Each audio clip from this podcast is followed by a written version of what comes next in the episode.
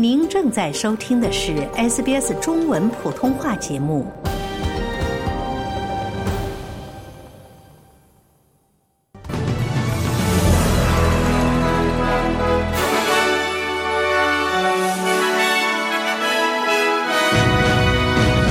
被监禁的俄罗斯反对党领导人去世，享年四十七岁。疑似非法移民船迪奥反对党领袖抨击政府。新州当局称，石棉外流是监管部门的失职。Taylor Swift 墨尔本演唱会观众人数创纪录。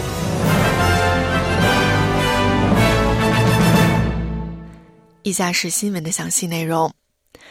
据俄罗斯反对党领导人纳瓦尔尼服刑的亚马尔涅涅茨地区监狱部门称，被监禁的纳瓦尔尼已经死亡。联邦监狱管理局在其网站上发表声明称，纳瓦尔尼周五外出散步后感到不适，几乎立即失去了知觉。声明称，监狱已经呼叫医务人员，但他们无法对其进行抢救，死因正在进一步调查中。纳瓦尔尼享年四十七岁。乌克兰总统泽连斯基在访问柏林时宣布了这一消息。We have just learned, as the Chancellor has just said, that Alexei Navalny has died in a Russian prison. 正如总理刚才所说，我们刚刚得知纳瓦尔尼死在了俄罗斯的监狱里。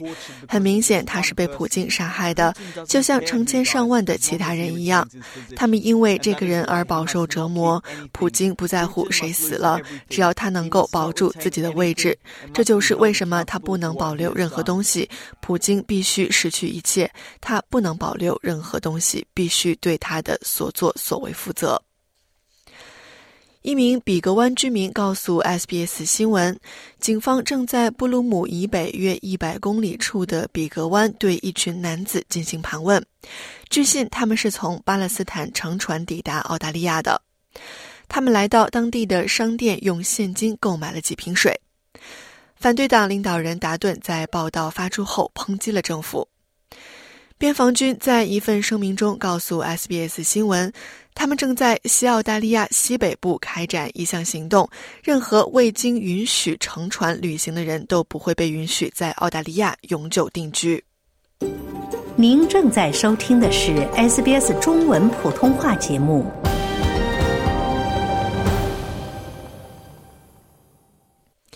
听众朋友，欢迎您继续收听 SBS 电台的新闻报道。接下来，我们来关注一下其他方面的消息。维基解密创始人阿桑奇的团队担心，如果阿桑奇下周上诉失败，英国政府可能会在阿桑奇向欧洲人权法院提出上诉前就把他送上飞机。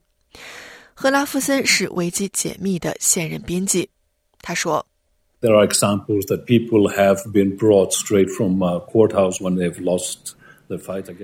以前有这样的例子，人们从法院直接被带到机场，乘坐引渡飞机离开。所以我们要为最坏的情况做好准备。西南威尔士州环境部长表示，监管部门的失职是导致受石棉污染的木屑外流的罪魁祸首。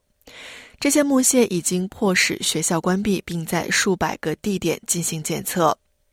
当局目前正在对悉尼的七所学校进行紧急检测，以确定木屑中是否存在石棉污染。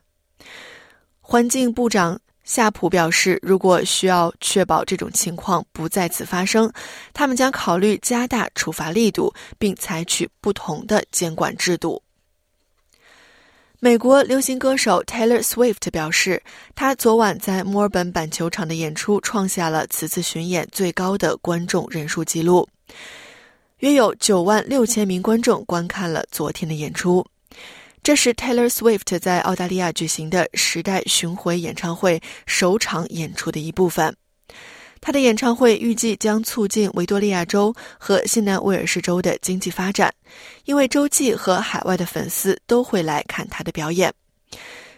这是 Taylor Swift 当晚对歌迷的讲话。This is the biggest show that we have done on this tour or any tour. 这是我们这次巡演，或者说是我参加过的任何巡演中规模最大的一场演出。接下来，我们来关注一下国际货币市场。截止到澳大利亚东部夏令时早上的六点五十五分，在国际货币市场上，一澳元可以兑换零点六五四美元、四点七零六元人民币、五点一一八元港币以及二十点五一零元新台币。在新闻节目的最后，我们再来关注一下全国各主要城市今天的天气情况。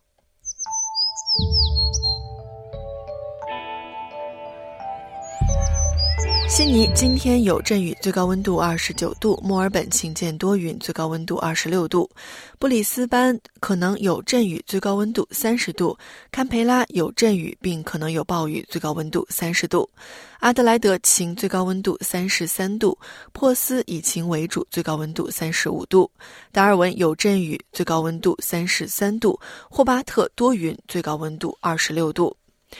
听众朋友，以上新闻是由林默为您编译和播报的，感谢您的收听。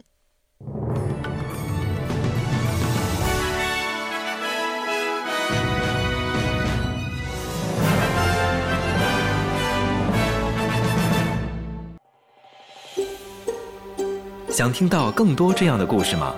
您可以通过苹果播客、谷歌播客、Spotify 或者您喜爱的方式下载收听。